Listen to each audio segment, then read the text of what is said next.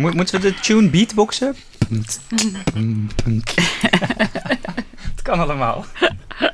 De Raad van Vulkan.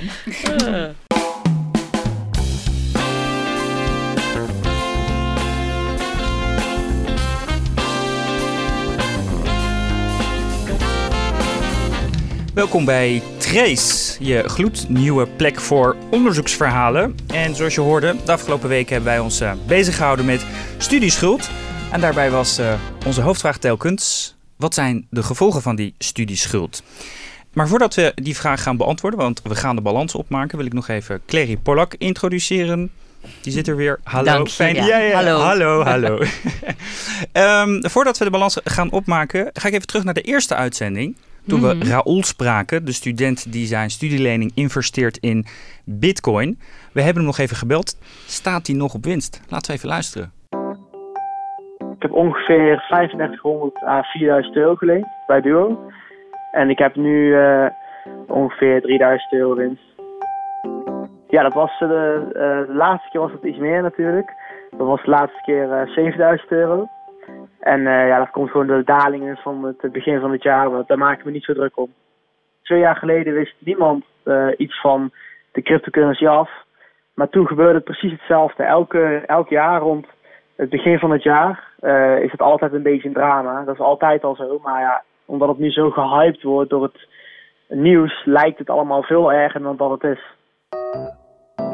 Ik blijf gewoon bijkopen.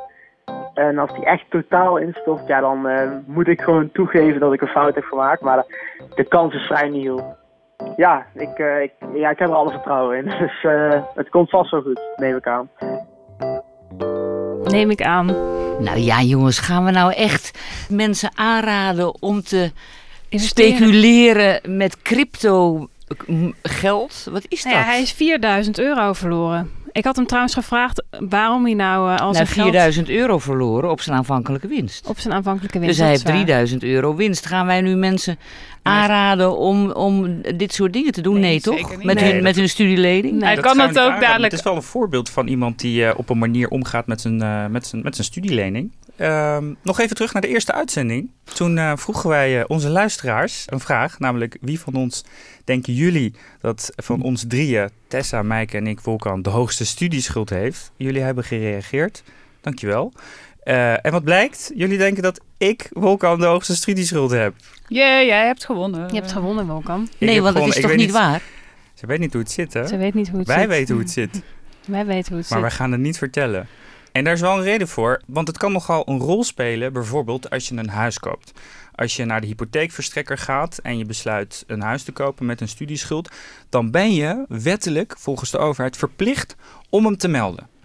Je gaat naar de hypotheekverstrekker, die controleert allerlei gegevens. Die controleert eh, onder andere alle schulden die je hebt uitstaan bij BKR. Er worden nogal wat schulden bijgehouden. Je creditcardschulden, je incasso's die je moet aflossen. Zelfs je telefoonaflossing staat in BKR, maar studieschuld niet. Dus jij wil je studieschuld niet vertellen omdat je van plan bent om fraude te plegen.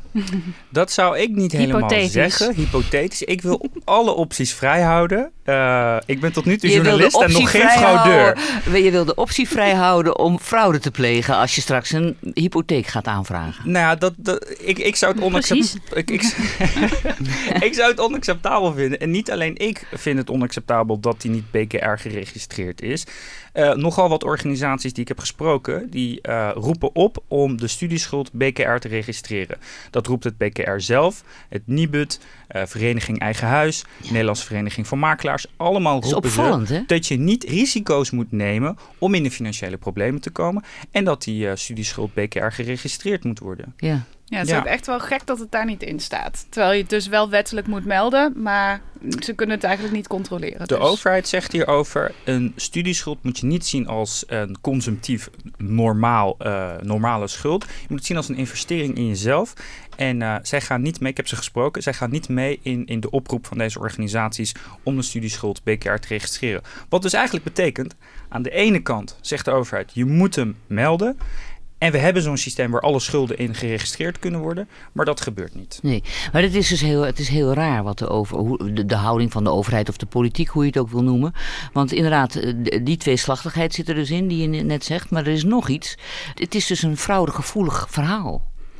En in feite werkt de overheid hiermee fraude in de hand. En dan kunnen ze wel zeggen van ja, maar het mag niet. Maar dat is precies waar, waar het met fraude over gaat. Ja. En op Dat- grote schaal ook. Hè. Volgens Ja, ja, een dat- enquête van BKR doet 39% van de studenten met een studieschuld zijn studieschuld Ja. verzwijgen En- bij het aanvragen En van dat een zou hypotheek. niet zo erg zijn als dat niet het, het risico met zich meebracht dat die mensen later echt in grote problemen komen. Ik Ja. heb dat zelf ook aan, eh, want ik heb natuurlijk de twee, een aantal Tweede Kamerleden gebeld. In eerste instantie over mijn eigen vraag: is die rente achteraf bepalen wel terecht? Maar ik heb ze ook gevraagd naar.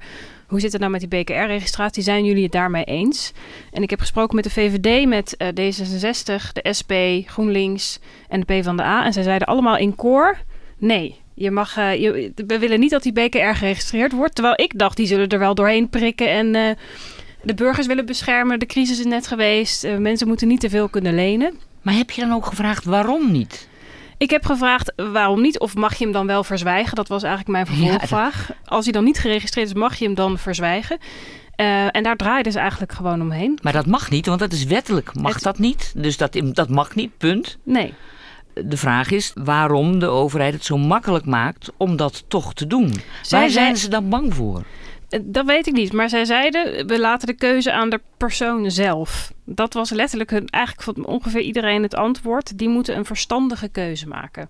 Ja, ja, ik, Ja, ik, ik- moet daar vreselijk om lachen. Het, het, het zijn, je maakt dus een regeling waarbij je mensen bijna uitnodigt om fraude te plegen. Ja, het werkt uitnodigend, omdat het nogal meeweegt in eh, Ja. je hypotheekaanvraag eh, en wat je, wat, wat, je kan, eh, wat je kan krijgen. Dus als je hem niet verzwijgt en gewoon braaf eh, eh, zo op, op tafel gooit bij de hypotheekverstrekker, dan krijg je een stuk minder hypotheek. Nee, ja. Dat bedrag is Ja. hoger dan, altijd hoger dan je studieschuld zelf. Ja, dat Ja, wordt ook het heel maakt- het duidelijk in wordt heel- reportage. Ja, ik- ik word dus heel erg is de vraag, Ja. waar, waarom doet de politiek dit? Waarom, denk waarom jij? willen ze dit niet repareren? Waarom denk jij? Ik weet het echt niet. Ik kan me alleen maar voorstellen dat ze bang zijn dat er dan minder mensen een studielening aangaan, waardoor er minder mensen gaan studeren. Eh, op zichzelf is dat bijna schattig als dat zo zou zijn. Maar dan nog weegt dat niet op volgens mij tegen de nadelen. Nee, ja. Ja. Wat, wat ik reëel zou vinden is dat je je studieschuld... Ik, ik zou niet willen liggen. Ehm, ik zou het dan terecht vinden. Kijk dan naar wat de echte maandlasten zijn. hoeveel, nee, maar hoeveel... hoeveel... Geldt niet voor jou, hè, Maaike? Hoorde ik. Nou, ik heb er niet over gelogen, maar mijn Nee. financieel adviseur vond het gewoon niet nodig. Dus dat vond ik echt heel opvallend. Maar goed, dat Ja. kun je bij Volkan allemaal terug horen. Ik was trouwens ook, dus ik ben naar Duo geweest, hè. En ik heb het ook met hen over die hypotheek gehad. Want zij zitten heel erg aan de voorkant. Op het moment dat je gaat lenen, moeten zij je duidelijk maken wat dat betekent. Ik heb die hele website uit mijn hoofd geleerd. En nergens staat iets over dat het gevolgen heeft voor je hypotheek. Ja, als je erover liegt, natuurlijk niet. Maar als je gewoon eerlijk bent, dan heeft het eh, wel degelijk gevolgen. En, En- ook niet in de nieuwe vorm die ze nu gaan maken. Want dat is waar ze nu want, mee bezig zijn. want ik heb dus ook aan Duo gevraagd waarom staat het er niet. En ze zei heel duidelijk, het is niet aan ons. Het is niet onze rol om daarvoor te waarschuwen. Die hypotheek, dat ligt bij de hypotheekverstrekkers. We weten er eigenlijk niks van, wat raar is. Want het is gewoon een, een door de minister vastgestelde regel eh, hoeveel het meegewogen wordt. En ze zeggen gewoon, ja, dat is niet aan ons. En studenten moeten dat gewoon zelf weten. Ze studeren, dus ze zullen dat dan ook toch wel begrijpen. Dat was een beetje de toon eh, die ze had. Dus een duo gaat je daar in ieder geval niet in helpen om daar meer bewustzijn eh, over te creëren. Nee. Wat, wat, wat uit jouw reportage enorm opviel, was dat ze inderdaad zich bewust zijn van het feit dat hun voorlichting aan geen kant deugde. Deugde, moet ik nu zeggen, geloof ik, want ze zijn bezig om dat te Ja. veranderen.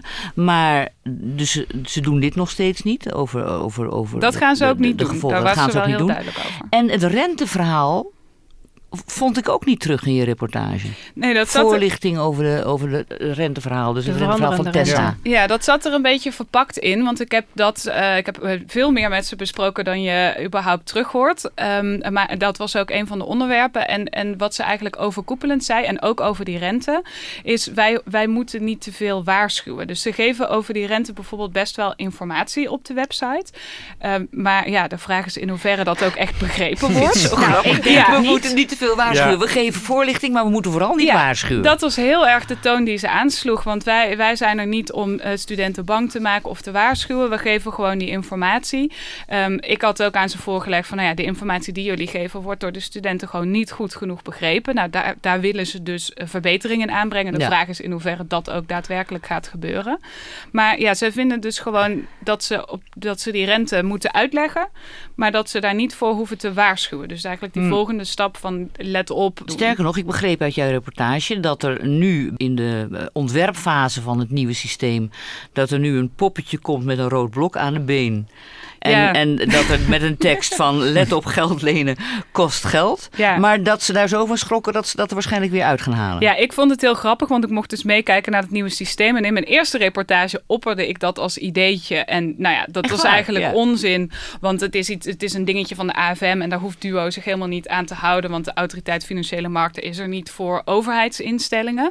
Ehm, en, en toen bleken ze het in één keer zelf wel op de website te hebben gezet. Maar de, de voorlichter die ik geïnterviewd heb, die zat naast me toen we dat systeem bekeken. Nou, die schrok heel erg, want die had juist het verhaal van we moeten niet te veel waarschuwen. En dan was het ook echt een balkje met zo'n poppetje met dat blokje, wat er allemaal nog best wel, nou ja, eh waarschuwerig uitzag. Ja, dus en dus ik vraag me af of het er straks nog wel eh, op blijft staan. Voorlopig is het studieleningsverhaal dus van een, een systeem van we moeten er niet te veel voor waarschuwen, want anders zou dat mensen misschien af kunnen schrikken. En we moeten ook vooral niet er iets aan doen dat het zo fraudegevoelig is. Ja, Ja. dat is wel Ja. eh, een goede Dat is, een samenvatting. beetje, dat is zeker een goede samenvatting. Ja, en ik denk de rente is volgens mij een goed voorbeeld van dat het echt niet zo simpel is. Want daar ben ik ingedoken. Het heeft me echt best wel veel tijd gekost om dat een beetje uit te zoeken hoe dat nou precies in elkaar zit. Alhoewel ik nog steeds niet weet waarom het nou aan die internationale financiële markten Nee, gekoppeld maar dat is. wist niemand, begrijp Dat wist niemand, Dat is vond ik. grappig. Dat was zeker grappig. hadden die op een missie gestuurd. En, Ik ben eigenlijk gewoon niet geslaagd. Nee. Daar komt het op neer. Maar eh, ik, eh, als ik ook terugdenk, toen ik begon met studeren, dacht ik dat ik het best goed begreep. Maar met de kennis van nu begreep ik er echt geen snars van Nee. eigenlijk. En dat vind ik bizar. En dat krijg je dus ook niet te horen in het nieuwe systeem van Duo. Nee, te weinig. steeds Veel niet. te weinig. Ja. Ja. als de politici het al niet weten, dan... Weet je wat, eh, ik, wat, ik, wat, wat, mij, wat mij frappeerde in, in jouw eh, reportage was de zin, en die begreep ik, en dat vond ik ook goed, dat de overheid geen winst wil maken. Ja. En dat daarom die rente wordt vastgesteld op het eind van je studie, zodat je hè, zoveel mogelijk Ja, realistische voor rente... vijf eh, jaar. ja. Maar inderdaad, het vervolgende verhaal is voor vijf jaar. ja. Terwijl je dan, als die rente dan daalt, dat maakt de overheid wel degelijk winst. En krijg je die dan terug? Ik, ik, ik weet niet of het, of het zo werkt dat de overheid dan echt die winst maakt. Want je, je moet natuurlijk 15 jaar doen of 35 jaar over terugbetalen van je studieschuld. Dus dan eh, op het moment dat die laag staat, staat die ook voor vijf jaar laag en kan die misschien ook wel weer stijgen. Wellicht trekt het dat, Oh, zich het, recht. oh, oh, ja, ja, in de loop van de tijd eh, Ehm. rechtgetrokken wordt. Maar toch is het een rare vraag. Waarom niet ieder jaar dan? Waarom niet ieder jaar? Dat vind ik ook gek, want tijdens je studie, als je leent, moet je ook al rente betalen. En dan wordt die dus jaarlijks vastgesteld. En waarom die nou voor vijf Ja. jaar wordt vastgezet, is mij nog steeds een raadsel. En niemand weet het. Alle, alle Tweede Kamerleden die ik heb gesproken, die nemen eigenlijk dit systeem een soort van aan als ja, dat is er. En we moeten ook wel wat rente vragen, want we moeten die inflatie compenseren. Ja. Maar ja, Het is allemaal een beetje struisvogelpolitiek, hè, wat hier bedreven wordt met de studiefinanciering. Ja, lijkt het wel. wel een beetje. ja, Ja. niet echt Ja. Nou ja, nou, het- laat eigenlijk nog een heleboel vragen open. Maar eh, eh, die vragen die zouden moeten worden beantwoord vooral door de politiek. En die kunnen dat niet, willen dat niet. Ja, Die hadden heel weinig tijd in ieder geval twee weken geleden. Want het schijnt het dat in die week ongeveer alle onderwijsdebatten We wachten in het eerste onderzoek misschien af. nou, we kunnen dingen afwachten, maar wat wel gewoon nog doorloopt en wat wel een zekerheid is, is eh, wat hier op mijn laptop staat op uh, nationalestudieschuld.nl. De oplopende live eh, studieschuld. Weet je nog hoeveel, op hoeveel die stond de vorige keer, Oh, nee, heel veel. De oplettende luisteraar zal het weten. ja, dat was Nou ja, ik zeker niet. Ehm 19,6 miljard. En daar is de afgelopen vijf weken 200 miljoen bijgekomen. Hij staat op 19,8 miljard. Nou, de angst dat er minder mensen gaan, in- gaan studeren is dus in elk geval ongegrond. Ze gaan in ieder geval niet minder lenen. Dat is wel eh, duidelijk. Ja. We merkten dat dit onderwerp, toch studieschuld, echt wel echt een paniekvoetbalonderwerp was eh, bij ons. hoor. Het, het was een soort van onderwerp die, eh, die je liever eigenlijk onder het tapijt schuift. En, en een Bij beetje degene daar... die je eh, ondervroeg bedoel je? Of nee, nee, nee, bij onszelf op de redactie. Zeg maar, Oh ja? Een soort even een, eh, een soort evaluerend moment voor ons. Eh, wij merkten dat we daar heel erg in paniek van raakten. We- Hoezo? Op, wat, op welke Nou, bij manier? onszelf merkten we ook een beetje de struisvogelreactie. Want zo'n studieschuld is natuurlijk niet per se leuk om over na te denken. Ja. En we hadden bijvoorbeeld een, een stagiair die tijdens een montage ongeveer uit de montage rende. Omdat ze in één keer dacht, hoe zit het ook alweer bij mij? Ik moet het nu controleren. ik, eh, ik dacht in één keer, ik wil van dat ding af. Laat ik gewoon mijn maandbedrag verhogen, zodat ik het sneller afbetaald heb. En, nou ja, zo En ik we weet eindelijk onder welke terugbetaalvoorwaarden ik zit. Dat, dat wist ik gewoon niet. Het is echt iets waar ik niet goed naar heb, eh, heb gekeken. Maar dat is Ehm, dus niet een kwestie van paniek, het is een kwestie van verdieping. Verdieping. Maar, Ja, je, maar maar je een merkt beetje bij heel veel studenten hoor. Dat eh, ook de vrienden die ik spreek, die Ja. eh, weinig informatie daarover hebben. Ja. Ehm, genoeg over studieschuld. Het is tijd dat we hem dus inderdaad afsluiten en ons richten op ons volgend onderwerp. Dat is privacy. Misschien ook een onderwerp waar je lichte kriebels van kan krijgen. Nou, het is En, een heel ehm, breed onderwerp.